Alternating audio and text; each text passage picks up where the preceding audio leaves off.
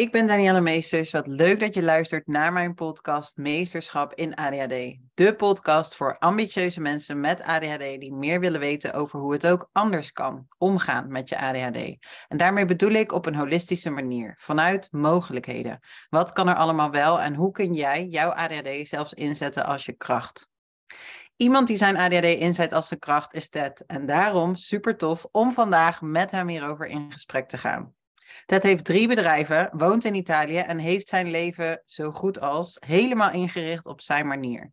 Hij ziet zijn ADHD als kracht, maar dat is zeker niet altijd zo geweest en daar gaan we het onder meer vandaag over hebben. Ted, welkom. Super leuk dat je er bent. Ja, hetzelfde, dankjewel.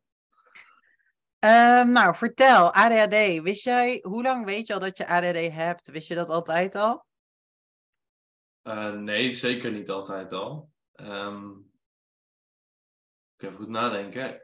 Ik heb het laten onderzoeken in 2019 volgens mij. Mm dus ik heb heel mijn leven al rare dingen gehad, voor mijn gevoel. Maar in 2019, eind 2018 of ergens in zomer 2019, zei mijn zwager tegen mij, die was gescheiden van een vrouw die heel erg ADHD had. En toen vertelde ik van, nou ik zat toen echt helemaal in de shit van na een baan waar ik een beetje tegen een burn-out heb gezeten. Toen zijn we naar Italië verhuisd ook. Um, toen zei ik, ik voel me constant wazig in mijn hoofd. Druk, slaap slecht. Ik heb al heel mijn leven periodes dat ik gewoon zes maanden volop ga. Een weekend moet slapen om uit te rusten.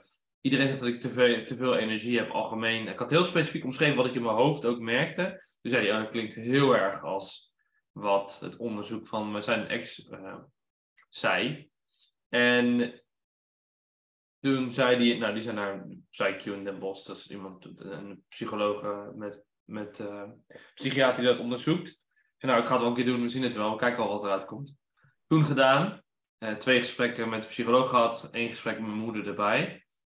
dat was super interessant, want ze zeiden toen van, je moeder moet erbij zijn, want ADHD is een, is een fysieke afwijking die je bij de geboorte al hebt eigenlijk. Het is niet iets wat je aanleert of aangroeit of wat dan ook. Het is gewoon een afwijking in je hersenen die er altijd al zit. Dus als je in je jeugd geen last van hebt gehad, dan is de kans bijna nul dat je dit nu hebt. dan kunnen ze daar een beetje uitsluiten of het zo is. Mm Na twee gesprekken met haar zei ze: Oké, ik weet genoeg. We gaan nu een gesprek met je moeder doen. Anderhalf, twee uur samen met mijn moeder en haar gebeld toen.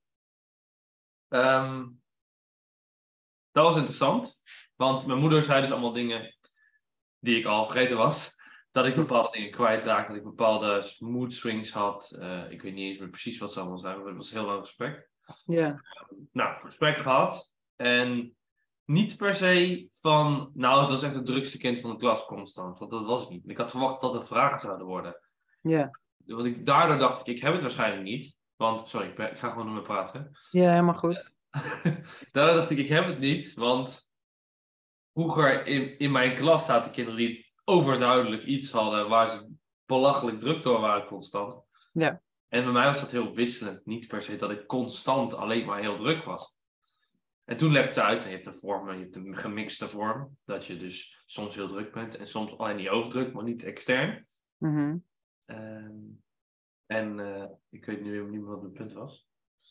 Um, maar ja, dat, was dat gesprek gehad, die vragen waren geweest. En toen kwam het, dat hele verslag van vijf pagina's terug. En zei ja, ze kunnen nooit 100% zeggen, want ze doen geen hersenmetingen, dus ze kunnen niet fysiek zien. Maar ze zei, het tussen de 95 en 100% dat je het hebt, dus ga er maar vanuit dat het klopt.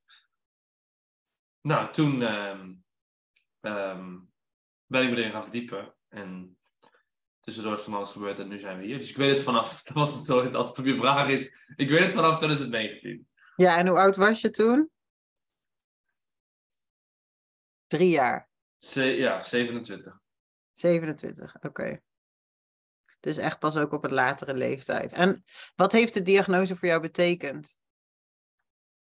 Dat was ehm, misschien wel een van de twee, drie grootste omslagpunten in mijn leven. Klinkt heel heftig, maar dat was echt zo.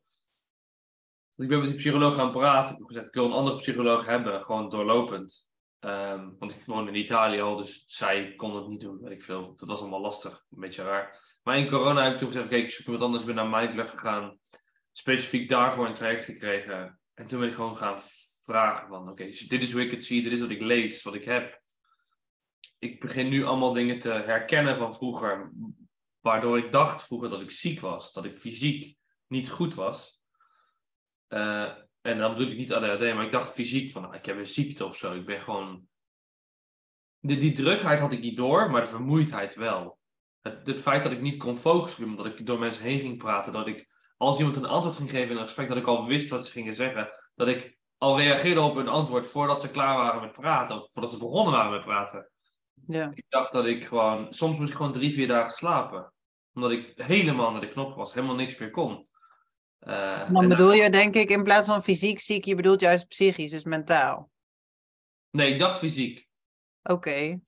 Ehm, ja, sorry, die, die, die, wat ik net noemde met die, die, uh, met die dingen die ik zei van tevoren, dat, was, dat is natuurlijk meer een mentaal iets. Maar dat moe zijn, dat oh, ja. alleen moe zijn, toen oh, dacht moet iets zijn dat niet goed is in mijn lichaam. Dus ik ja, precies. Veel stress, cortisol, misschien te hoge bloedsuiker constant, weet ik veel. Uh, ook ja. dingen te testen, al was allemaal niks, bloedprikken, niks. Op een gegeven moment denk je, nou, het zal wel. Uh, het is niet zo zwaar belemmerend constant. Wat het wel was, maar ik dacht, er zijn altijd mensen die het erger hebben, dus het zal wel goed komen. Maar toen ging het wel, toen ik die diagnose had, dacht ik, oh ja, oké. Daarom doe ik dit. En de dingen die ik niet uit kon leggen, die vroeg ik aan een psycholoog en die zei, nou, het is niet per se dat ADHD constant direct effect heeft op wat je doet. Maar als jij constant dopamine moet zoeken, terwijl je daar te weinig van hebt, ga je dat op allerlei manieren proberen te zoeken. Dus heel veel dingen die ik noemde, zei ze, nou, dat is waarschijnlijk, komt dat daardoor. Waarschijnlijk heeft dat hiermee te maken. En 90% van die dingen viel, vielen alle puzzelstukjes in elkaar. dacht ik, oh ja, dit is, dit is zoveel logischer nu. Ehm, dat is het proces van, van begrijpen. Wat is er gebeurd? Wat gebeurt er nu? Wie ben ik? En het ergste is, je gaat bijna twijfelen aan jezelf. Wat, wie ben ik eigenlijk als ik, zo, mm. als ik niet weet wat het is? En toen ik het wel wist, dacht ik, oké, dit, is, dit is dus... Ik begin nu te snappen waar het vandaan komt en wat er gebeurd is. Nu komt de stap dat ik het moet accepteren. En ik hoop ooit de stap dat ik het kan gaan gebruiken in mijn voordeel. Want er waren ook dingen die ik altijd heel goed kon. En ik was een beetje bang, als ik nu dit ga doen en ik ga hier nu aan werken, ga ik dan die goede dingen kwijtraken of zo. Dus die hyperfocus en, en die, die hele diepe gesprekken die ik met mensen kon hebben. En die, die hele diepe empathie die ik kan hebben in zo'n gesprek. Dus dat was op verschillende manieren ehm, ja, een openbaring en weer zijn eigen beetje struggle, zijn eigen uitdaging op zich. Ja, dus eigenlijk wat de diagnose voor jou heeft betekend, is dat je jezelf meer ging begrijpen en dat het je juist heel erg ook hielp van oké, nu weet ik heel specifiek waar ik mee aan de slag kan, omdat ik nu ook beter begrijp hoe het in elkaar zit. Dus ook een stukje acceptatie, zelfacceptatie. Ja, dat, dat is het belangrijkste. Ja, mooi. En eh, hoe was het voor anderen? ik, ik, heb natuurlijk een aantal hele goede vrienden die ik al heel lang ken. Die, mhm. die, die, voor in hun hoofd was ik dit Ted. Dat was het. Zonder ADHD was, was dat wie ik was. Dus soms was het heel irritant. Zij hadden gewoon vaak niet genoeg energie om dat bij te houden. Ehm, ik werd ook sneller boos en agressief op dingen, wat zij dan niet begrepen, want ze niet snapten waar dat door kwam. Het is op een gegeven moment zo erg geweest. Ik woonde jaren met mijn twee beste vrienden in huis hier een straat verder. En op een gegeven moment heb ik zo'n zo'n lange periode me zo slecht gevoeld. En zo moe en zo op. En elke keer als ik moe was, ging ik weer de energie pieken. Dat gaat automatisch, sorry, automatisch bij mij. Hoe moeier ik word, hoe meer mijn lichaam gaat pieken. Juist de energie gaat aanmaken, wat een beetje nep-energie is, want dat heb ik helemaal niet. Of dat kan ik fysiek eigenlijk niet aan. En ik werd er zo zagrijnig door en soms zo boos dat, dat op een gegeven moment de prins van mij heeft gezegd: Dit kan niet meer. Als jij nu niet verandert, ga ik uit huis. Puur om hoe jij bent. En toen ben ik echt ingestort. Ehm, maar ja, zij dacht wel, dit is het. Dit is hoe hij is, dus dat is klaar. Dat is misschien een beetje raar, maar oké. En toen ik vertelde dat ik het had, toen dacht ze eerst, oké, we hadden een beetje een ander beeld bij ADHD, dat je alleen maar constant druk bent en niks kan. Ook niet dat je HBO kan of niet kan studeren, dat het allemaal lastiger is. Hmm. Toen heb ik het uitgelegd, toen heb ik gezegd wat de psychologen ervan zeiden en toen zijn ze het gaan begrijpen. Dat zijn mijn beste vrienden. Elle ook. Die heeft er heel veel aan gehad dat we nu weten wat het is. Ellen is je vriendin, je, je relatie, toch? Sorry, ja, ja. Ik had toen al vijf jaar een relatie met haar. Mm Mijn ouders ook. Dus iedereen is gewoon gaan vragen, wat is het precies en waar, waar komt het vandaan? Toen ging ik het uitleggen. Toen zei iedereen, oh ja, dit is heel logisch. Dit hebben we al jaren zo en zo, zo zien. En nu snap ik waarom je dit en dit doet. En nu begrijpen we dat. En daarna is alles fijner geworden. Want elke relatie die ik had, werd dat een soort van in meegenomen. Van oké, we kunnen dus wel gaan zeggen dat dat irritant is. Of, of niet met hem afspreken. Of uh, er last van hebben. We kunnen gewoon zeggen, Ted, je bent nu... Je zit nu dit te doen, hè? je, je zit nu te ratelen. Misschien wat ik in gesprek ook doe, maar... Dat heb ik akkoord opgegeven, dus ik ga gewoon door. dus, dus je bent nu aan het ratelen. Je zit weer te pieken veel te hard. Maak het helemaal op en je gaat gewoon door. En dan denk ik, oh ja, besef, dat is het. Ik weet waar het door komt. En ik moet even rustig aan doen. Dat heeft superveel veranderd. Want doordat dat andere je een soort van spiegelen wat je doet, of zeggen wat je doet, besef je het, accepteer het en dan kan je het gaan aanpassen. Dus, wat uh, mooi, want eigenlijk helpen ze je dan ook in een stukje van, oh, ik mag nu even ademhalen en even ja. achterover gaan zitten, toch? Dus ook een stukje in energiebewaking, doordat je omgeving het ook beter begrijpt. En ik denk, het jou dus ook op een andere manier accepteert of zo. Ja, ja dat, dat dat heel erg helpend is, want dan mag je gewoon meer zijn, denk ik. En doordat je meer mag zijn, word je automatisch meer ontspannen. En helpt denk ik dat al in het gedrag. Ervaar je dat ook zo of niet? Nou, denk je, dat leg je heel goed uit. Moet ik even een beetje eh, volledig begrijpen. Ik weet niet of ik het zo ervaren heb, maar ik denk als je het zo uit dat het achteraf wel geholpen heeft. Ja. Dat heeft wel echt een functie gehad. Want als iemand anders, het gebeurt nog steeds echt bijna elke dag, dat of of iemand anders zegt, je zit weer constant te ratelen of te pieken, doe even rustig aan voor jezelf. Want sommige mensen hebben gewoon geleerd bij mij dat, dat ze gewoon niet willen te luisteren, gewoon het uit kunnen schakelen. Of ik zie gewoon nu aan hun gezicht van oké, okay, volgens mij zijn ze me volledig kwijt. Dus ik stop wel even. Ja. Dus ja, het heeft, het heeft achteraf. Heb ik nog niet echt zo beseft, dus het is spannend dat je dit nu noemt. Mij ook geholpen om, om een beetje die rust te bewaren en die energie te bewaren. Want anders had ik nu weer elke paar maanden gewoon plat gelegen omdat ik veel te moe was van alles. Ja, dus het stukje het zelf al ontspannender zijn, omdat je omgeving je misschien meer accepteert. En daarbij ook dat mensen het dus ook kunnen benoemen vanuit dus een liefdevolle plek. En dat dat van beide kanten heel prettig is. Anderen kunnen het benoemen wat er gebeurt. En jij kan het ook ontvangen, omdat jullie beide gewoon meer accepteren. En gewoon benoemen dat wat is. In plaats van het zien als meteen als een probleem of zo. Ja, dat is, dat is het. Wat je net ook zei. Eh, die had ik niet helemaal door. Maar ja, inderdaad, het feit dat, dat ze mij accepteren, dat, dat, dat ze accepteren wat het is zorgt bij mij voor rust natuurlijk, want het is fijn ja. het ineens. Het voelt alsof of visueel je wat verder uit elkaar staat als je het niet weet. En nu is het common ground in het midden dat we weten, oké, dit is het. Dus we kunnen ons nou maar neerleggen. We hoeven er geen discussies meer over te hebben. We hoeven er niet last van te hebben. Maar wel grenzen aangeven als die mensen zeggen... Ik ben helemaal overprikkeld doordat jij tien minuten in mijn leven bent weer. of in ieder geval bij mij in huis bent. Uh, doe even rustig aan voor mij en voor jezelf. Ik snap ja. waarom. Maar dan weet je het. Dat, ja, dat is heel waardevol geweest. Nog steeds trouwens. Ja, wat fijn, wat goed. Ja. En um, je benoemde net al van, hé, hey, ik ben wel echt door een diep dal gegaan. Uh, door mijn vorige baan. En um, nou, ook wel of niet in een burn-out zitten of bijna burn-out. Wil je daar eens wat meer over vertellen? Wat deed ja, je? Ik, vind, ik heb niet um, zes maanden op de bank gelegen en niet kunnen opstaan. Mm -hmm. Ik vind het daar wel voorzichtig mee moet zijn ik vind het lastig om te zeggen. Een burn-out vind ik, en dan ben ik misschien een beetje soort van bescheiden, dat je gewoon niks kan voor zes maanden of een, of een jaar. Dat het gewoon klaar is. Ik was wel zover dat ik, uh, en het komt niet, niet door die baan, maar het komt door mijn hoofd in een normale baan. Maar dat zal ik zo een beetje uitleggen. Um, er waren momenten dat ik thuis kwam, dat Ella en ik naar de bioscoop waren geweest, we nog een station hier, dat ik op de grond ging liggen zonder te zeggen en gewoon begon te huilen anderhalf uur. En dat ik eigenlijk niet wist waarom. Um, achteraf wel, maar toen op dat moment dacht ik, wat gebeurt er? Maar je lichaam zegt gewoon, fuck off, je bent veel te lang dingen aan het doen die niet bij je passen. Je bent jezelf aan het forceren. Ik kan, ik kan mijn energie niet kwijt op bepaalde momenten, dus stop er maar mee. Dus je lichaam slaat je gewoon in je gezicht, ligt een beetje letterlijk. Stop maar, want dit gaat hem niet worden. En toen zijn we verhuisd naar Italië in december 2018. Met de reden ook van dit werk voor mij gaat niet meer. Ja. Dan maar onzekerheid. Maar in ieder geval wat meer rust en vrijheid. Dat was de beste beslissing die we hebben gemaakt. Want Italië was meer stilte, meer zon. beter eten, meer rust. Uh, wel wat stress om geld, omdat we bedrijven moesten opbouwen toen. Maar kosten waren laag, dus het viel allemaal wel mee. En dat heeft heel erg geholpen. Ik heb mezelf daar echt kunnen vinden. Yoga begonnen, mediteren begonnen. Um, nou, hoe moeilijk dat ook is voor iemand zoals ik, maar dat heeft heel erg geholpen.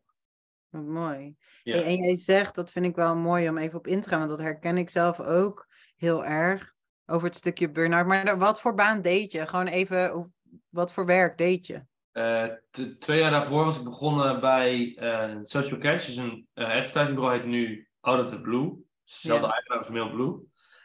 Dennis van den Bergen. Oh, ja. Um, super tof bedrijf, super grote, echt vette klanten. lang geadverteerd.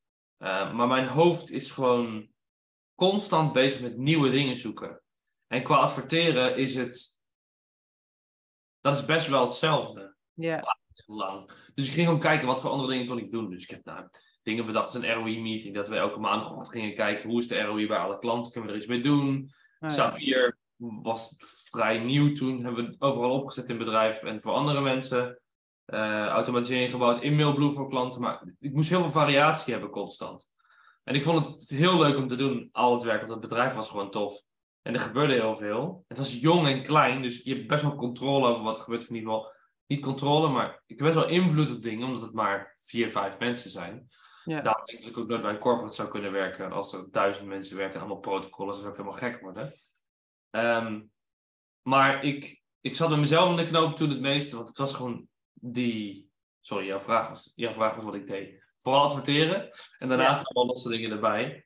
Ik kon gewoon niet elke dag 9 tot 5 zitten en zoveel mogelijk hetzelfde doen. En daar kwam wel de omzet uit. Dus ik vroeg van, kan ik fulltime iets anders gaan doen? Of kan ik al die andere taken oppakken zonder te adverteren? Maar dat kon gewoon niet. Uh, en toen dachten we Italië en toen zat ik al aan de grond met mijn hoofd. Um, toen dacht ik, oké, zelfs in een klein bedrijf kan ik het niet handelen. Dat lag echt bij mij. Het is niet dat het bedrijf een probleem was. Nee, nee, nee. nee. Mijn, um, ja, waar mijn energie naartoe ging, was allemaal verschillende dingen tegelijk. En dat is gewoon lastig in, in, in de meeste functies. Ja. Dus dat. Ja, en, en waarom ik het vraag is gewoon, dan denk ik gewoon omdat het interessant is. Weet je, gewoon omdat heel veel mensen zich daar denk ik in herkennen. En ik vind het eigenlijk wel mooi wat je zegt, interessant wat je zegt, want die herken ik wel van hey, een burn-out, um, ik, vind het, ik vind dat je daar voorzichtig mee moet zijn of moeilijk om, om te benoemen, omdat het voor je idee zes maanden helemaal eraf liggen of, uh, of een jaar. En dat is wel grappig, want ik herken dat heel erg. En ik heb zelf echt wel, denk ik, misschien wel vier jaar lang op het randje van overspannen gelopen, zeg maar. Omdat op een of andere manier ik gewoon elke keer mezelf weer pushte of motiveerde om toch door te gaan.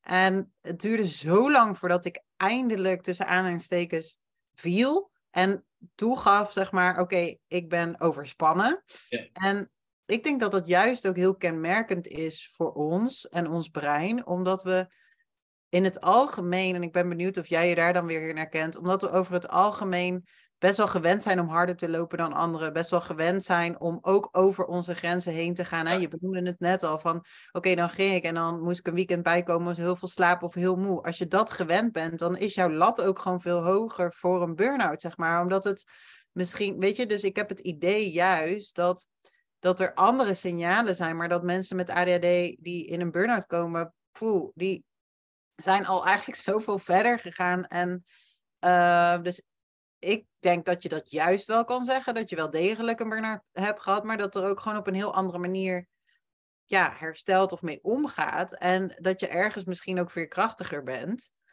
Uh, maar dat, het, dat we onszelf vaak teniet doen door ja, de lat en hoog te leggen. En dus heel snel vinden dat we ons niet aan moeten stellen, omdat het bij anderen erger is. Omdat ze dan misschien een half jaar eruit leggen of een jaar. Waardoor we eigenlijk onszelf tekort doen, denk ik. Omdat het niet wil zeggen dat jij het niet ook moeilijk hebt, maar dat uit zich gewoon op een andere manier. Hoe, hoe zie je dat? Dat, ik herken het heel erg wat jij zegt, gewoon dat, dat niet accepteren dat het, dat het te ver zijn gegaan, constant. Ja. Hoe het, ja, ik denk dat ik dat volledig herken wat je net zegt, maar het feit dat, dat ik. De mensen die een burn-out hebben, die gaan vaker over grenzen heen dan de bedoeling is. In mijn hoofd, en ik denk bij jou ook als ik je zo hoor, verdwijnt dat hele gebied van die grens. Die, of die is er niet, of die ligt nog zo ver weg dat we denken, daar ben ik nog lang niet. Bij iemand anders ligt die ook zo ver, dus bij mij zal het ook wel zo zijn. Terwijl die al lang achter ons ligt eigenlijk. Daar ben je al lang overheen ja.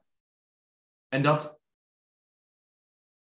dat merkte ik het meeste in die, in die energiepieken. Hoe moeier ik ben, hoe hoger de piek was, hoe erger mijn lichaam dacht. Je hebt niet genoeg dopamine, we gaan alles aanmaken om je energie te geven om maar iets voor elkaar te krijgen. Want je hebt nooit genoeg gedaan. Ja, precies. Dat is het probleem, denk ik. Je hebt nooit genoeg gedaan, je kan altijd meer doen. En andere mensen doen het ook. En voordat ik wist wat ADHD was en dat ik, dat ik het had, dacht ik, ik ben hetzelfde als iedereen. Maar ik doe minder. Of ik krijg minder van elkaar. En de rest doet het veel makkelijker als ik. Dus ik doe iets fout. En daar, op een gegeven moment ga je denken, ik ben fysiek niet goed, want er gaat iets, er gaat iets echt fout. En als dat niet bevestigd wordt, dan denk je, oké, ik ben gewoon raar. Ik moet gewoon harder werken, ik moet gewoon doorgaan, want als de rest kan, kan ik het ook. En zo kwam ik daar terecht. En als ik jou zo hoor, jij ook. Ik denk dat het voor ons een stuk makkelijker is om die val in te lopen. Um, en als je dan eenmaal op het punt komt dat je dat na vier jaar, dan val je ook zo hard dat het meteen. Ja, en ook weer juist niet voor mijn gevoel, want het was voor mij het laatste masker, dus het hield mij juist overeind om niet toe te geven dat ik een burn-out had, omdat, omdat ik dan zeg maar nog kon zeggen, ik ben op zoek naar mezelf of ik weet gewoon niet wat bij mezelf past, zeg maar. En dat, dat was wat ik gewend was, dus daar moest ik gewoon heel hard voor werken, maar ik wist niet beter. En op het mhm. moment dat ik dan toegaf, oké, ik ben inderdaad overspannen. Toen had ik niks meer om me achter te verschuilen of zo. Dus toen was het, toen, dat was het dan. Daar was zeg maar het dieptepunt. Ik heb zo hard gevochten om eigenlijk dat laatste treetje de put in nog te nemen of zo. Terwijl me dat veel meer energie kostte. Dat dus zeg maar daarop heel de tijd zitten. Um, want toen ik eenmaal toegaf, nou toegaf, dat klinkt alsof ik het altijd al wist. En, en dat was natuurlijk niet zo, ik wist het niet. Maar toen het toen ik me daaraan over kon geven van het is inderdaad te veel en ik kan niet meer, mhm. eh, toen voelde het juist als, oh ja, vanaf nu kan ik weer omhoog. Dus het is alsof ik zeg maar dat laatste stapje naar beneden maar niet zette, waardoor ik heel diep, heel lang zat. En dat was niet constant elke dag zo, maar op het moment dat ik dan dus dacht, oh ja, ik ben inderdaad overspannen en nu, toen stond ik mezelf eigenlijk pas toe om echt voor mezelf te gaan zorgen. Ja. Dus, en, en dan, ja, ik hoor jou zeggen, inderdaad niet mee kunnen. En ik herken bepaalde stukken die je zegt, anderen kunnen het ook. Maar heb je dan niet lang het gevoel gehad, er zit meer in mij en het moet anders kunnen? Ja, dat wordt op een gegeven moment wel kapot geslagen of, of, of weg. Dat, die hoop verdwijnt wel aardig als, het, als je twintig bent, uh, alles moeilijker is dan bij andere mensen lijkt. En sommige dingen juist veel makkelijker zijn, maar 80% van de dingen lijken moeilijker. Um, het, als je 20 bent, denk je, dit is niet meer iets waar ik overheen ga groeien. Oh, ja. Het blijft zo. Ik dacht, oh, misschien is het wel van mijn jeugd, weet je wel. Misschien wordt het wel minder, word ik wel rustiger als ik volwassener word. Dat is deels waar. En voor 70% is dat ook niet waar. Dus ik dacht op een gegeven moment, ja, het zal vast anders kunnen, maar niet bij mij. Dus ik moet het, zal zo blijven. En toen heb ik het losgelaten. Of losgelaten is groot woord. Toen heb ik gewoon gedacht, oké, ik moet gewoon harder blijven werken en harder door blijven gaan. Dat heb ik pas echt gemerkt toen ik fulltime ging werken. Ja. Want dat was mijn eerste baan na mijn studie. En toen heb ik meteen gemerkt dat het dus niet werkte. En dat het dus niet op die manier ging. Want als ik 40 uur per week ging werken, of 50 uur, dan werd het niet beter of zo. De structuur hielp mij voor geen meter. Uh, die was er in mijn hoofd gewoon niet. En dat, ik kon gewoon niet anders kwijt. Dus. Um... Sorry, wat was je vraag? ja, van heb je dan niet gevoeld, zit er meer in mij? Maar ik denk dus. Nou, kan het anders, vroeg jij specifiek. Ja, ja. Toen had ik het besef absoluut niet. Nee, dat snap ik. Dat herken ik op zich ook wel. Oké. Ehm, en hoe is het nu? Ja, laten we de positieve kant op gaan nu. Um, nu is het heel goed. En dat wil niet zeggen dat ik het onder controle heb. Want ik denk dat je het ooit onder controle krijgt. Ik denk dat je een beetje moet. Ik denk dat je voor 40% controle kan uitoefenen erop. En de rest moet je gewoon op de juiste manier een beetje meegaan met wat er gebeurt. vandaar ook dat ik denk ik niet meer, het klinkt heel stom, dat ik niet meer kan stoppen met ondernemen. Omdat ik of ik moet uh, gaan rentenieren, dus gewoon niks meer hoeven doen. Of ik moet blijven ondernemen om mijn hoofd alle kanten te, te laten, kunnen laten gaan. Want als ik nu weer in een baan zit, of ze moeten me volledige vrijheid geven om te doen wat ik wil. En accepteren dat alles wat eruit komt, dat het goed is. Of in ieder geval dat het sufficient is om, om die baan te kunnen blijven doen. Maar die, die banen zijn er niet echt. Want daar moeten ze me wel heel veel vrijheid geven. Uh, nu gaat het goed. Ik kan er. Ik heb afgelopen jaren heel veel met Elle gepraat erover van oké, welke dingen gaan niet goed, of bij mij, of in onze relatie, en wat voor deel kan ik daaraan, kan ik dat aan, aan ADHD koppelen? Dat wil niet zeggen dat ik ADHD de schuld geef. Dat wil zeggen dat ik nog harder mijn best moet doen om die koppeling te vinden. En de bron van dat pieken van energie moet kunnen vinden en aanpassen. Dus wat ik laatst heb gedaan is, ik ben een jaar geleden begonnen met sporten, oktober vorig jaar. Krachttraining. Waarom? Ik moest iets doen. Ik zat alleen maar binnen zit elke dag in een kantoor, dan word ik helemaal gestoord. Ga ik allemaal andere dingen, YouTube-filmpjes kijken, allemaal nieuwe producten verzinnen, terwijl ik de rest nog af moet maken. Um, ik ga van alles doen. Ik ga de kamers verbouwen, niet echt verbouwen, maar verschuiven en dingen veranderen. Kan ik nog shit kopen om dopamine te krijgen waar ik toch nooit genoeg van heb? Allemaal dat soort dingen. Dus ik dacht, oké, ik moet iets hebben dat ik en die energie kwijt kan en even mijn kop leeg kan maken. Um, en iets kan hebben waar ik naartoe werk, dat ik wel progressie ga zien. Dat was krachttraining. Toen ben ik mee begonnen, dat gedaan. Je bent ook tegelijk bezig met eten. Want op een gegeven moment zeggen ze, ja, als je dit blijft vreten de hele tijd, dan ga je nooit beter eruit zien. En dan blijf je je niet goed voelen, et cetera, et cetera. En dat is een heel belangrijk punt geweest. Dus ik ben heel erg gaan kijken naar waar zorgt eten voor de verkeerde energiepieken. Want het probleem bij mij was, de pieken waren veel te hoog en daardoor de dalen ook veel te diep. En hoe dieper het dal was, hoe hoger de piek weer kwam. Dat mijn lichaam dan zei, oh, we moeten weer volle bak alles gaan aanmaken qua hormonen en weet ik het allemaal. Dan kunnen we weer even de lucht in. Uh, dus ik was op heel enthousiast. En constant in mijn hoofd bezig. Of het was helemaal niks meer. Ik was nog steeds in mijn hoofd bezig, maar heel negatief.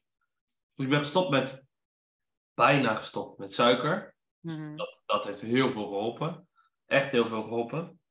Uh, door sporten ben ik veel meer eiwitten gaan eten, veel meer groentes gaan eten. En dat zorgt ervoor dat mijn suikerspiegel en alles veel, veel vlakker ligt in plaats van dat pieken. Pieken worden gewoon dubbel met suiker. Dus ik heb ze nog steeds. Ik heb daar net marsepein op, omdat ik die gisteren heb gekregen. Dat was niet zo slim, want dat is volgens mij 90% suiker. En dat merk ik nu. Ik merk het meteen al. En hier kan ik de hele dag last van hebben, want ik ga vanaf nu heel de dag dit doen. Ja. Terwijl ik wil dit hebben. Ja, voor de mensen die het niet zien, dus je zegt heel erg met gebaren van hoog en dalen. Ja. En dat je inderdaad wat, wat niet meer zo hoog wil, zodat je ook niet meer zo laag gaat, komt. Het is altijd een golfbeweging, maar een iets kleinere golf wil ik hebben. Ja. Ja. Dus eten is heel belangrijk geweest. Sporten doe ik nu vier keer per week, is heel belangrijk. Dat is gewoon een soort uitlaatklep elke dag. En een doel om naartoe te werken. Um, ja, verder nu het gaat nu echt goed, kan ik zeggen. Hey, en ja? je vertelde mij dat je een kort traject Ayurveda hebt gedaan en dat dat ook heel veel jou heeft geholpen met het goed eten en je energie stabiel te houden. Kan je me daar eens wat... Hoe kwam je bij Ayurveda? Ik ben zelf helemaal niet spiritueel. Ik ben eigenlijk opgegroeid met een heel nuchter Nederlands uh, gezin. Van eerst maar eens kijken wat er gebeurt en uh, doe maar gewoon normaal. Eerst zien dan geloven. Ja, ook dat. En uh, wat mijn ouders altijd zeiden, en dit weten ze ook, dit zeg ik al 15 jaar tegen ze. Mijn ouders zeiden altijd tegen me: sommige dingen zijn gewoon zoals ze zijn. En dat moet je accepteren. Hmm. En daar heb ik al heel mijn leven tegen gevochten, heel veel ruzie met ze over gehad. Ik heb gezegd: dat is zo'n gelul. Als je dat blijft zeggen tegen jezelf, dan gaat er nooit iets veranderen. Als je dat zegt alleen, nee, dat is een heel ander, heel ander verhaal. Maar uh, uh, um, een vriend van ons, ehm, Niels, die kwam daarmee. Die zei, ik heb dit. Ik was, die was ermee bezig. Ik zei, nou, ik doe het wel. Het was een klein traject. Ik, ik was nu wel met yoga bezig. Maar yoga lerares daar moet je naar kijken. Oké, ik doe het wel. Ik ben niet spiritueel voor mezelf. Ik dacht, weet je wat, ik ga het wel doen. Ik wist niet hoe spiritueel het was. En toen hij het uit heeft gelegd, dacht ik, oké, dus per verschillende type mens of vorm of soort lichaam zijn andere voedingsstoffen beter of minder, of dat verwerk je beter qua energie. Dat, dat is eigenlijk heel logisch. Dat is waarschijnlijk volledig te onderbouwen. Ik heb het niet uitgezocht, maar dat klonk heel logisch. Als het voor mij logisch klinkt, dan denk ik oké, of het voelt logisch. Dus toen zei hij, het belangrijkste wat je moet doen is zorgen dat je um, sowieso geen suiker meer eet. Geen extreem pittige dingen, want dan kan je niet zo goed tegen. En eigenlijk alles wat je eet moet warm zijn. Ook een maaltijd moet warm zijn. Dat vond ik heel interessant. Want ik ging altijd gewoon allemaal dingen proberen die mensen zeiden. En dat was koud of warm. Toen ben ik warm gaan ontbijten, warm gaan lunchen en warme avond gaan eten. En toen is er heel veel veranderd. In vermoeidheid, in ehm, vooral de, de, de energiedalen werden minder. Omdat ik gewoon, mijn lichaam reageerde zo raar, zo heftig op koud eten. Gewoon alsof het eruit moest. Niet dat ik moest overgeven of iets, maar gewoon van dit klopt niet. Ja. Ik had er nooit bij stilgestaan. Ik dacht, ja, dit is gewoon hetzelfde als iedereen. S ochtends dus warm gaan eten zonder suiker, middags warm gaan eten en s'avonds ook. Uh, dat heeft, ik, dat, ja. Beetje uh, moeilijk om dat in te schatten te vertellen, maar dat heeft heel veel geholpen qua energie. Dat was gewoon best wel een flinke verandering. Ja, en mooi wat je, want je zegt ik ben helemaal niet spiritueel en dat helemaal niet van huis uit. En toch heb je yoga en meditatie wat je doet. Hoe ben je dan tot yoga gekomen? Ik bedoel, dat is niet alleen het spirituele, maar ook als man is dat nogal een stap. Misschien. Ja, klopt. Yoga is voor mij. Ja, ik ben laatst gaan afvragen wat is spiritueel, waar zie je dat? Maar spiritueel is voor mij dingen die je gewoon niet, niet logisch kan verklaren. Ja.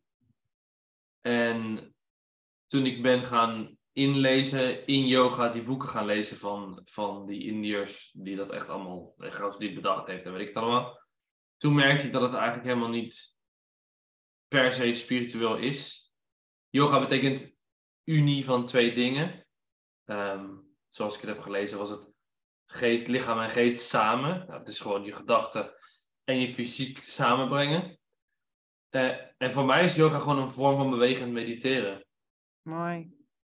En dit was voor mij dus weer een moment van: oké, ik kan mijn hoofd in de drukte niet uitzetten, maar wel sturen. Dus ik, ik kon hyperfocus soort van aanzetten door naar één specifieke spier in mijn linkerbeen te focussen. Het heeft heel lang geduurd, maar dat kon op een gegeven moment. dacht ik, wauw, ik kan jaren met stress lopen in mijn nek en gewoon doen alsof er niks aan de hand is en gewoon doorgaan. En nu moet ik me focussen op één spier en nu voel ik alle pijn en dingen die in die spier gebeuren. Zo'n beetje. Dus dat, toen, dat, toen ik ermee begon, en ik had een yoga in Italië, daar ben ik begonnen. En ik ging naar haar toe en we hadden yoga en ik was helemaal, ik werd helemaal verliefd en ik was helemaal licht. Het was helemaal, het is heel raar, ik had dat nog nooit gevoeld. Terwijl ik denk dat de eerste paar maanden yoga die ik had, toen dacht ik, oh, misschien voelen normale mensen zich zo als ze gewoon ontspannen zijn. Want ik, was, ik heb letterlijk nog nooit in mijn leven zoiets gehad van, oh, nu ben ik ontspannen. Dus ik dacht, dat heeft vast niemand. Iedereen zal wel gewoon net doen alsof. Um, dus dat was heel interessant. Uh, yoga en meditatie heb ik hier in Breda al gedaan. Dat was heel lastig. Dat vind ik nog steeds moeilijk. Maar met, met yoga helpt het. Dat ik mijn lichaam kan gebruiken. Daarom zei ik bewegende meditatie of fysieke meditatie. Werkt dat voor mij beter. En yoga is ook eigenlijk oorspronkelijk, zeg maar, een soort van het voorgerecht voor meditatie, toch? Dus je doet yoga om daarna te mediteren eigenlijk. Ja, nou het is nog erg, want ze noemen het ook echt ehm, dat je met yoga kan mediteren. Ja.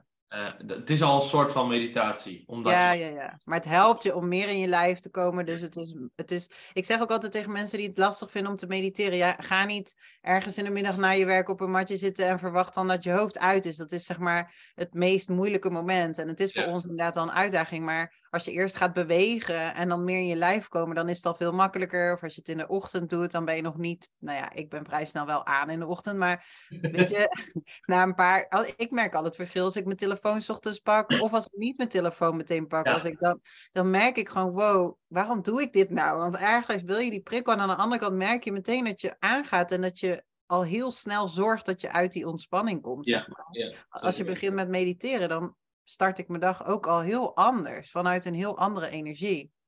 En dit is interessant, dit lukt mij dus nog steeds niet. Ik heb een tijdje geprobeerd om s ochtends yoga te doen, s ochtends te mediteren. In Italië in de zon gaan zitten is het wat makkelijker. Dan loop ik naar buiten, ga ik in de zon zitten. Dan probeer ik te mediteren. Nog steeds al met een headspace of een app of iets. Ja. Maar nu kan ik het gewoon niet vasthouden. En wat mij nu heel erg helpt, is dat ik gewoon kan zeggen: Oké, om half vier, vier uur ga ik naar de sportschool. Dus dan ben ik dan in mijn hoofd en met mijn lichaam bezig. Ja. Um, want s ochtends, ik vind het heel knap dat je dit, maar ik krijg het niet voor elkaar. S ochtends word ik wakker om verschillende tijden. En dan denk ik, nou, uh, kan ik niet honderd dingen tegelijk doen, want ik heb nu alle energie en we gaan al beter. Ja, dat herken ik wel. Ik ga daarna ook wel, maar daarna loop ik naar boven, zie ik een wasmand en ik, zet, ik draai mijn wasjes echt voordat ik ga ontbijten. Hè? Dus dan denk ik, oh, dat doe ik wel even. En uh, nou, ik vind het ook wel prettig. Maar goed, dat is een zijweggetje. hey, um, mooi. Wel, wel echt, uh, ja, fijn en goed dat je je daar ook in hebt gevonden. Yoga is voor mij ook echt eentje. Ik denk ook dat het de enige sport is die ik al ruim tien jaar doe, zeg maar. En wel af en aan in intensiteit, zeg maar. Maar wel het enige wat ik al zo lang volhoud, wat ik ook blijf doen. En waar ik ook blijf, ja, wat ik gewoon heel prettig vind om op te pakken voor mezelf. Uh, ja, vind ik heel fijn. Dat is dus, lang. Hè? Dat is... Ik heb nog nooit iets langer dan drie jaar volgehouden. Nee, en dat is voor mij dus inderdaad alleen yoga. Maar er zitten soms wel tussenpauzes bij van best wel een lange periode van een paar maanden. Maar het is toch wel iets wat ik altijd weer oppak om, om te doen. Ja, omdat ik het op allerlei vlakken heel... Je kan het en intensief doen, zeg maar, echt wel hoge intensiteit sport als in... Nee, het is geen hoge intensiteit als in verbranden, dat je snel gaat en hartslag omhoog. Maar je kan wel echt je bent wel echt iets aan het doen. Dus je, je kan in yoga zoveel variëren over het harde werken met alle spieren en het ontspannen samen. Ja. ja. En ik merk wel dat sporten voor mij, ik heb wel heel lang hoog intensiteit gesport, hè? dus ook bootcamp en zo. Maar ik merk dat ik daar heel veel last van heb en dat dat gewoon niet bij me past. Heel snel hoofdpijn krijg en ja, dat um, ja, daar dus last van heb. En dat ik dan in yoga eigenlijk alles kan vinden. Dus zowel krachttraining als nou, zweten als uh, ontspannen. Dus dat, dat... Nou, dat kracht zit er zeker in. Want als mijn yogalerares op een gegeven moment een keer zegt van nou, het is leuk geweest, we gaan nu aan de bak. Dan is het gewoon half pilates er doorheen en ligt ik jank op de grond. Maar dan, het kan alles. Dat is heel fijn eraan. Ja. Yeah. dat je dat zegt, hit en uh, heel veel conditie ga ik ook niet lekker op. Ik trek dat niet zo goed. En ik dacht dat, nou, je bent lui, je wil gewoon niet sporten. Als ik zelf gewoon een uur lang goed mijn oefening allemaal doe qua krachttraining. En dan wel pushen. Dus meer gewicht elke keer. Ja. Uh, de oefening goed doen. Zoveel mogelijk gewoon echt tot de pijngrens. Wat kan ik eruit halen? Daar ga ik heel goed op. Maar wel op mijn eigen tempo. En niet dat geforceerde. Dus ik weet niet dat een, of dat een, een overlap is in HDHD of iets. Misschien nou, ik heb wel geleerd een keer van iemand die Ayurveda doet ook, dat het eigenlijk veel meer past om aardse sporten te doen en niet zodanig hoog in vuur te gaan. Mm dus dat het beter voor ons is, als net als het zegt pittig eten is, gaat niet zo goed. En dat heeft natuurlijk ook met vuur te maken, met pitta. Uh, dat je dat dan aanwakkert. Dus uh, dat eigenlijk hit sporten niet per se bij ons past. nee, dit is heel interessant. Want ik ja, nee, je taart. Ja, nou ja, dus dat, dus dat herken ik ook heel erg. hey, um, slik je medicatie? Nee, dat is me toen al heel vaak aanbevolen. Ja. Door andere mensen, door uh, psychiater, door psychologen. Dan gaat het veel makkelijker, gaat het veel makkelijker. En ik heb tegen de eerste psycholoog gezegd, bied het me niet meer aan. Want A, um, ik wil het zonder proberen. Want als ik, vast, als ik nu medicatie ga pakken, ga ik het gewoon vervangen. Als, als die medicatie zou werken, zoals zij zeggen, zonder bijwerkingen. En zonder verslaving, want zij, zij hebben letterlijk tegen mij gezegd: er zit geen verslavingskant aan en er zit geen bijwerking aan. Dat geloof ik sowieso al niet, want het is al, denk ik inherent al verslavend als het iets laat werken wat normaal niet kan. Ja.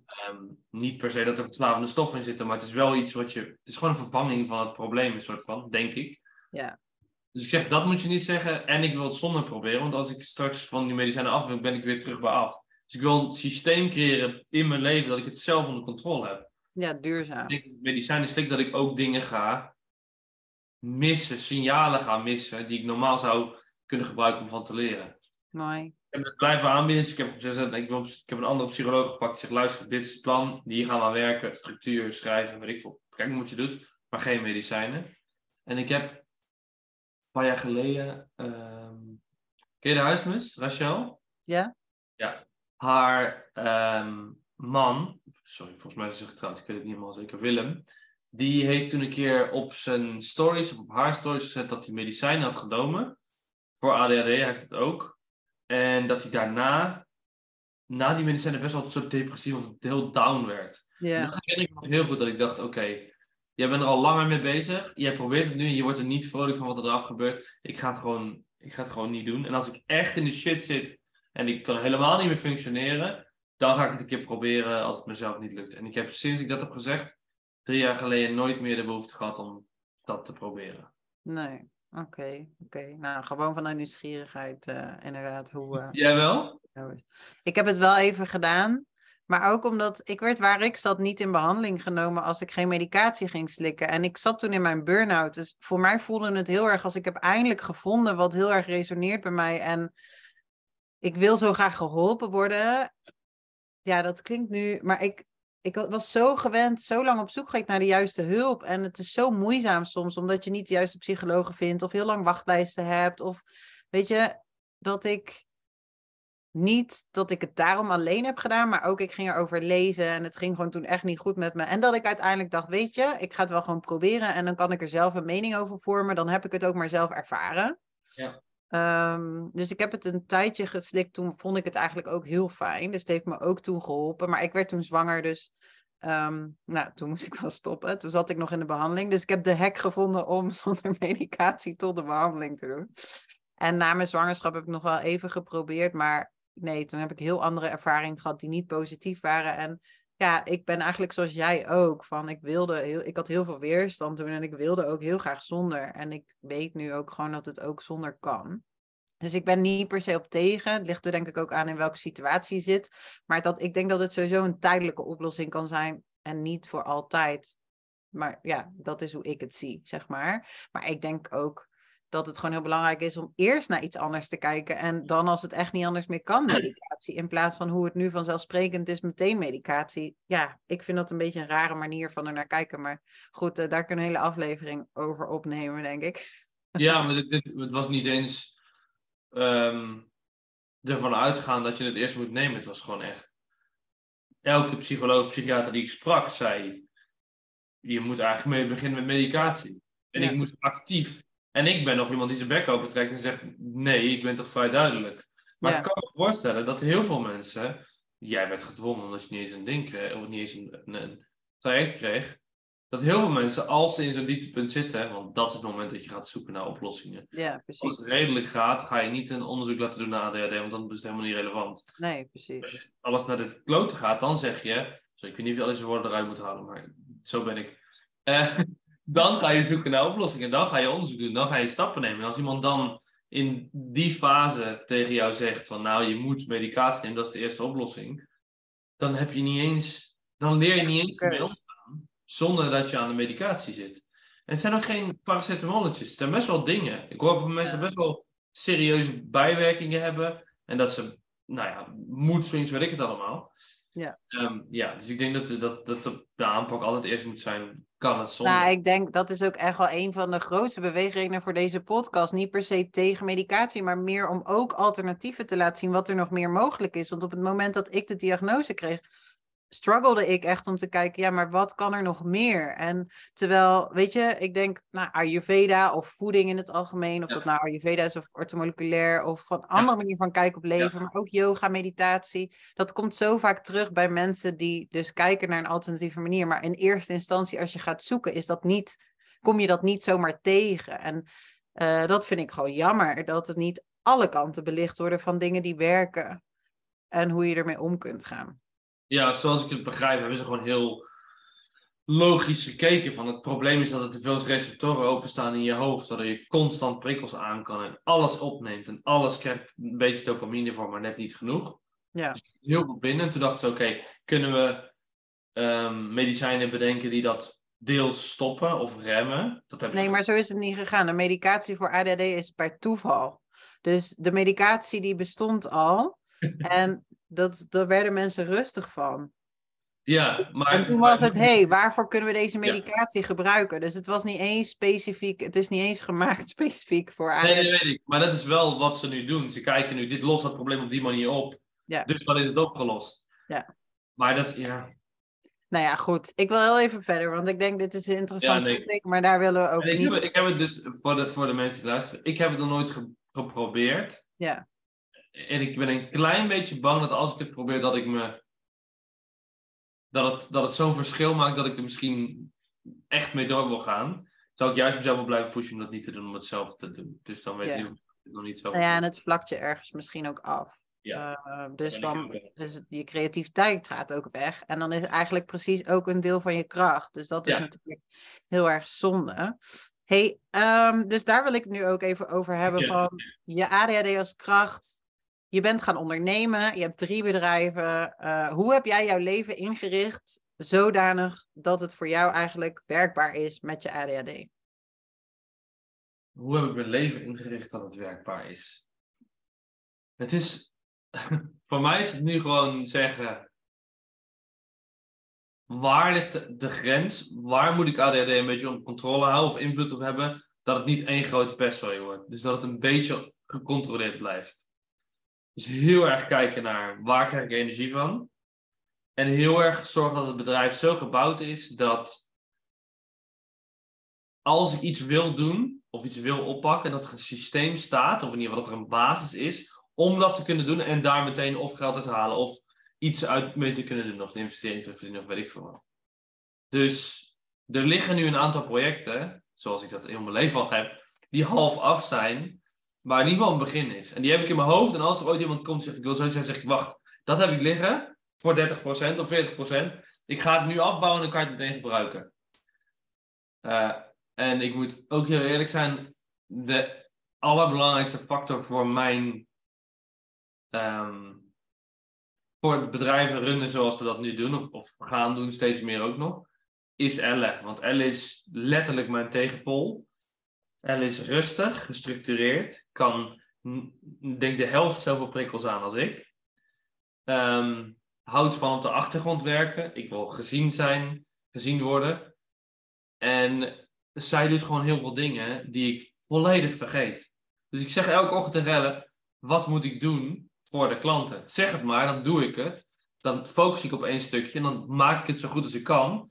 Vrij snel. En dan naar de volgende. Maar zonder haar was het één groot zootje geworden. Ja, maar dit is fantastisch als ik eerlijk ben. Want jij zegt dan ja, ik moet eerlijk zijn alsof. En dit merk ik dus ook bij heel veel mensen die ik coach. En we leggen de lat dus zo hoog. Dus we vinden van onszelf dat we alles moeten kunnen. Want eigenlijk vinden we dat we het allemaal zelf moeten kunnen doen.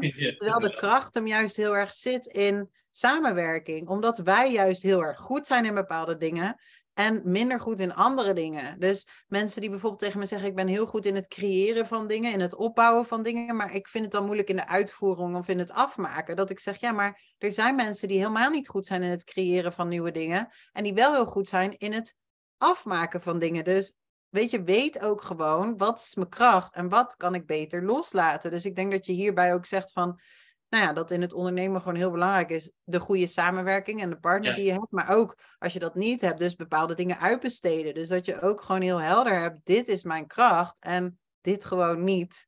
Ga jezelf dan ook niet weer het stukje tekort doen. Hè? Omdat we onszelf gewoon, ja, een bepaald stukje. Het is juist de kracht om heel eerlijk en helder te hebben. Wat werkt voor jou en hoe kan ik het beste functioneren? Dan is het toch alleen maar mooi dat je dat samen met Ellen kan doen. Ja, het is, het is de simpele regel van focus op je krachten en ga niet proberen je slechte kant omhoog te halen. Dat kost veel te veel energie, vooral bij ons, omdat ja, we vervelen ons. Het, ja, dus het is zeg maar alles een beetje in het extreme. Je, je, gaat, je bent alleen maar tegen jezelf aan het vechten. En bij ons is het nog veel erger, want als wij het niet leuk vinden of niet interessant vinden, zijn we er heel snel klaar mee. Precies. Tien keer sneller dan de meeste mensen. En dan komt er ook niks waardevols meer uit. Um, en eh, dus stel je hebt geen partners zoals Elle of je doet niet samen ondernemen. Ja. Verlaag je winst, investeer meer in die andere dingen, want het is tien keer waard. Het is zo, je gaat dan ook veel sneller. Ja, want jij kan sneller gaan. Jij kan je op die dingen focussen. Dus vind iemand die dingen afmaakt, structureert. Dat zijn de twee dingen waar ik het meest tegenaan loop. Is, het is of een zootje, of het is een zootje en het is niet afgemaakt. Dat zijn een beetje de twee dingen die ik heb. Dus ik moet altijd mensen inhuren of het aan Elle vragen om, om de andere kant te doen. En ja, het klinkt als een zwakte, maar je moet het gewoon accepteren dat het zo is. Want je kan zoveel sneller als iemand anders dat oppakt. En de fout die ik daarop heb gemaakt, is denken dat niemand het leuk vindt om dingen af te maken. Precies. De aanname doen. Ja. Hey, allemaal randopinies. Je gaat toch niet dingen afmaken? Dat is toch saai? Je toch alleen maar nieuwe dingen beginnen? Daar zit de energie. Maar Elle wordt dus onrustig van onafgemaakte. Ja. Dus die, En dan heb ik het niet over klusjes in huis, want die doe ik allemaal. Want dan kan ik honderd dingen tegelijk doen. Ja, ja. Die maak ik meestal redelijk af. Ook als ik bij de ene begin, dan wat anders doen. Dan die andere weer terug. Eh, eh, maar er zijn dus echt... Ella wordt rustig van dingen structureren en afmaken. Ook bij klanten. Zegt ze, nou, laat maar zitten, want dat is het probleem. Al- Alle klanten zijn een beetje zoals ik. Hetzelfde profiel. Veel ideeën, veel nieuwe dingen, veel creativiteit. En is één grote pestzooi aan de achterkant van het bedrijf. Ze zegt, El, luister, laat mij maar een dag zitten. Ik structureer alles. En dan wordt ze helemaal rustig van. En dan denk ik, je bent gek. Ah, het is Ja. niet goed. Maar, maar inderdaad, wat je zegt is zo mooi. Die aanname maken dat niemand het wil, omdat wij gewoon dat ons dat niet voor kunnen stellen. Dat Ja. anderen dat wel leuk vinden. Maar dat Ja. is juist zo belangrijk dat je dat gewoon, ja, ja, grappig. Die is ook wel heel herkenbaar, omdat je denkt, ja, ik ga die ander niet die shitklusjes geven. Dat is lullig. Nee, dan, dan, dan, dan zadel ik die mensen ermee op. Ja, precies. En je zegt belangrijk om te weten wat je krachten zijn. Wat zijn jouw krachten dan? Wat zijn mijn krachten? Ehm, al, algemeen gezien ben ik heel sociaal. Dus ik kan eigenlijk met iedereen op straat een gesprek voeren en dat vrij snel naar een dieper niveau krijgen. Toch wel met 90% van de mensen. Ehm, en, en empathie heb ik dan ook. Als ik rustig, ja, rustig ben ik nooit, maar als ik een goed gesprek heb en ik heb hyperfocus op iemand in zo'n gesprek, dan kan ik Mhm. bijna voelen wat diegene voelt omdat ze, als ze het zeggen Ja, mooi. dat was nog sterker een paar jaar geleden. Dat is nu iets minder geworden, heb ik het idee. Ik weet niet precies waarom. Dat was altijd een van de dingen dat mensen zeiden: wow, je bent erg zo druk en we kunnen zo'n diep gesprek hebben zo snel. Mhm. Alleen het valt nu niet meer zo op, want. Of het valt nu niet meer zo op dat dat minder aan het worden is, want de hele wereld kan niet echt meer normale gesprekken voeren. Maar het allemaal vrij oppervlakkig aan het worden is en nooit meer de diepte echt ingaat. Eh, dus dat, dat kan ik heel goed. Ik kan heel snel verbanden leggen als ik iets leuk vind. Veel sneller dan de meeste mensen. Dus ik kan Ja. gewoon letterlijk zien. Jij zegt dat het niet kan, maar ik heb nu in mijn hoofd al een systeem bedacht waardoor dat wel kan. Mooi. Dat was altijd tegen- tegenstrijdig in mijn hoofd. Ik vond techniek heel interessant. Terwijl techniek iets heel gestructureerd en logisch is. Maar ik vind de creatieve kant van techniek heel leuk. Dus ik bedenk dingen waar de ondernemers waar ik mee werk tegenaan lopen. Waarvan zij denken dat kan niet, dat is onmogelijk. Dan zeg ik nou, dat zullen we wel zien. Want ik heb het in mijn hoofd. En als ik het in mijn hoofd heb, dan ga ik daarna kijken, kan ik techniek vinden of bouwen die dat waar maakt. En dan huur ik een developer in die zegt, luister, kan dit zoals ik het in mijn hoofd heb? En dan zeggen ze, is lastig, dit en dit kan niet. Zeg ik, oké, maar kan dit dan wel? Of kunnen we dit verplaatsen? Oh, dat is wel slim, dan gaan ze het bouwen. Dus het creatief oplossen van... Mooi. En dit is mijn allergrootste... Nou, ik weet niet of het een kracht is. Dit is gewoon een, voor sommige mensen een irritante karaktereigenschap. Als ze die bij mij zien. Als iemand zegt dat ik het niet kan, ga ik 300% harder werken om te zorgen dat het wel kan. Of ik loop volledig tegen de muur aan, of ik fix het. Dus als iedereen tegen jou zegt, je bent gek dat je naar Italië gaat, je kan geen Italiaans, je hebt net een bedrijf met 0 euro omzet, eh, je doet allebei ondernemen, eh, je kent, snapt niks van het land, bla bla. Toen dacht ik, nou, dit is precies wat ik ga doen. En ik krijg allemaal, de, nou, kijk, Kan je bekijk, eens laten zien dat ik het wel kan? precies. En is jammer dat er bijna niemand achteraf, maar een paar mensen de bal hebben te zeggen, oké, je had gelijk, je hebt het goed gedaan, het is gelukt. Maar dat zeg ik wel tegen mezelf. Dus Ego-dingetje, ego-dingetje dit. Ja, precies. Mooi, mooie kwaliteiten. Echt ook goed dat je die gewoon van jezelf kan zien. Nou, Hey, het zijn mooie kwaliteiten als je ze goed gebruikt. Ja, ja, ja. Tuurlijk, maar alle kwaliteiten hebben een valkuil. En dat is bij iedereen zo. Ongeacht of je ADHD hebt of niet, alle kwaliteiten hebben een valkuil. Dus Ja. dat hoort er gewoon bij.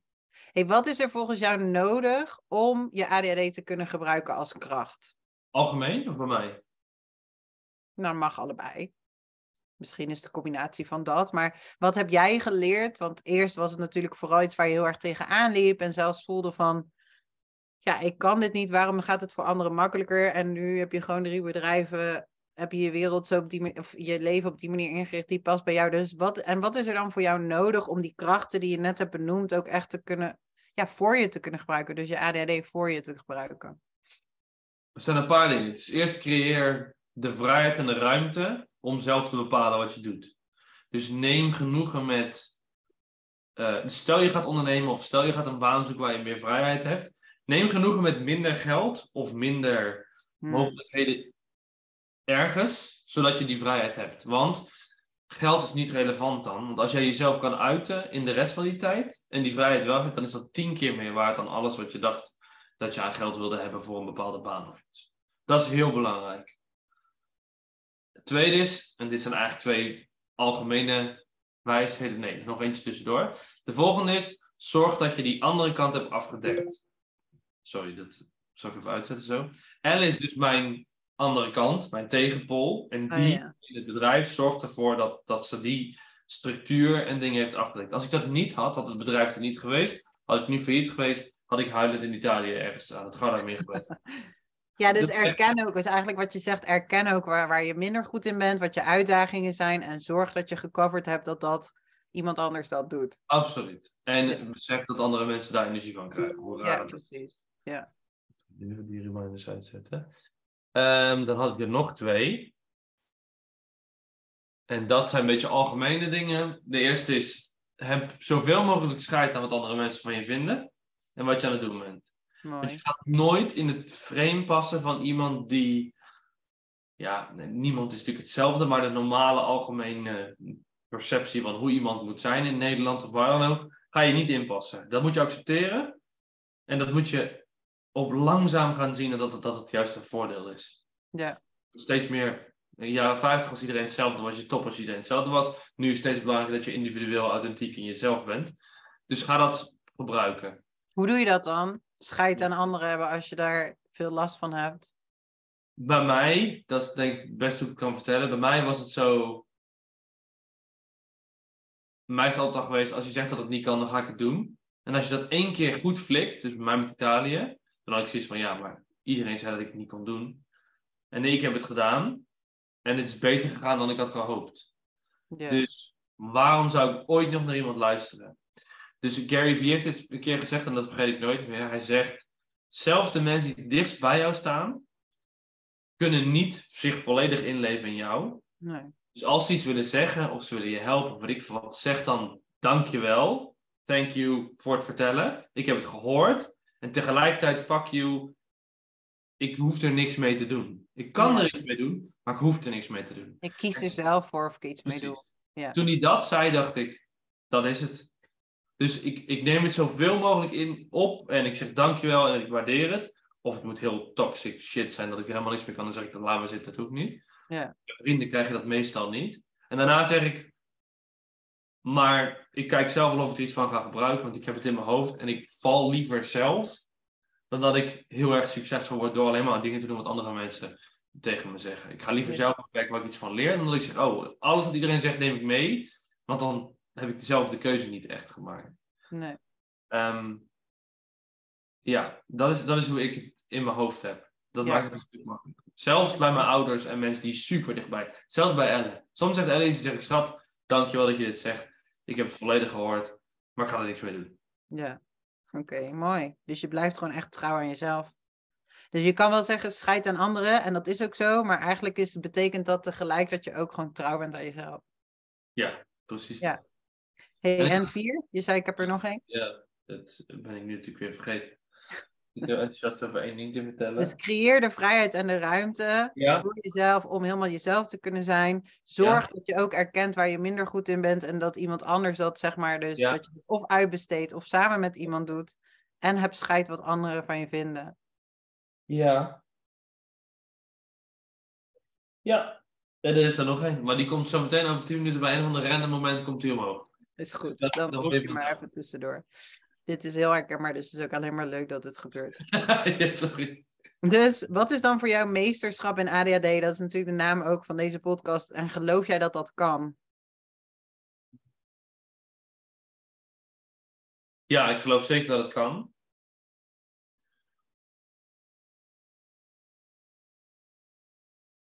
Het is. Um, ja, hoe noem je dit? Een beetje, een beetje compact en Het is accepteren dat je er niet in past. Ja. Dat klinkt een beetje, en dan zijn ook heel veel mensen zeggen, ja, maar je, je past er wel in, want iedereen past erin. Nee, je moet accepteren, jij past er niet in. Dat doet twee dingen. Het eerste wat het doet is, het zegt dat je anders bent. Dus je bevestigt aan jezelf dat je anders bent. En dan moet je niet slachtofferrol gaan nemen, want dat werkt nooit. En aan de andere kant zegt het, oké, ik ben anders, dus ik kan dingen ook anders doen. Ja. Dat geeft je ineens de vrijheid om, andere dingen, om dingen anders te doen. Mooi. Um, dat is het eerste, dat is het acceptatiestukje. En het meesterschap is voelen aan het einde van de dag.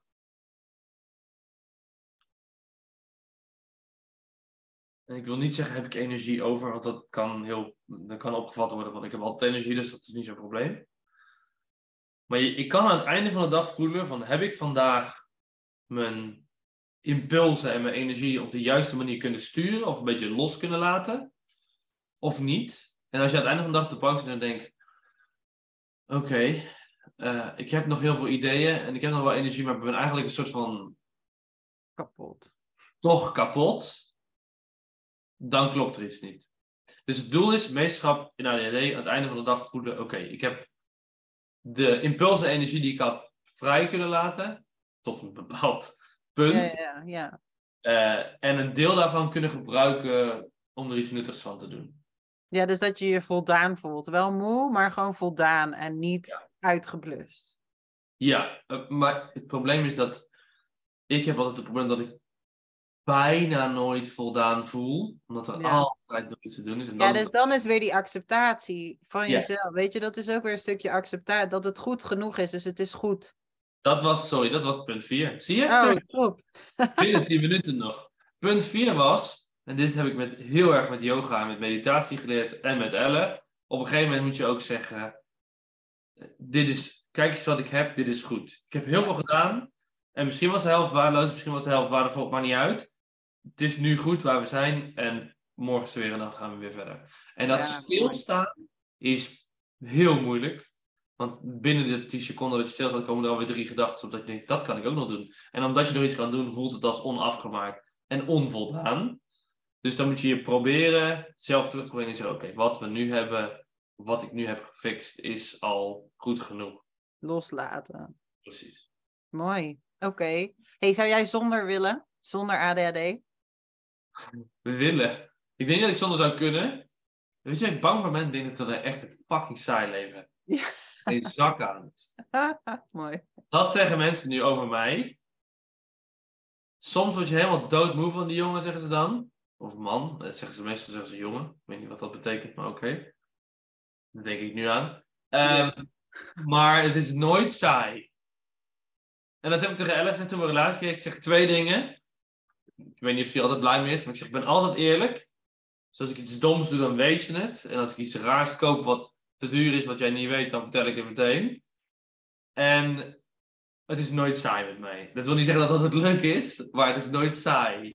Ja. Ik denk dat als, als dat achteraf had geweten wat het precies zou betekenen, dat ze iets meer had getwijfeld. Maar dat is, zo is het wel. Ja. Uh, dus nee, ik ja, zou mooi. Ik denk wel een mooie afsluiter. Zonder ADHD zou het maar een saai leven zijn. ja, en dat wil niet zeggen dat iedereen ADHD moet krijgen. Want Zeker niet, dat zou wel een gekke wereld zijn. Ja, en er zit ook een hoop gezeik aan vast. Maar als je na die dalen het onder controle krijgt of redelijk weet hoe je weer moet gaan, dan is het een heel leuk leven. Ja, mooi. Heel mooi dat je dat voor jezelf hebt gevonden. Ja. Nou, leuk om zo af te sluiten. Heel erg bedankt. Ik vond het een superleuk gesprek. Ik ook, jij ook. Dankjewel. En uh, nou, ik hoop dat de luisteraars er ook uh, weer inspiratie uit hebben gehaald. Uh, dankjewel voor het luisteren en hopelijk tot de volgende podcast. Ciao.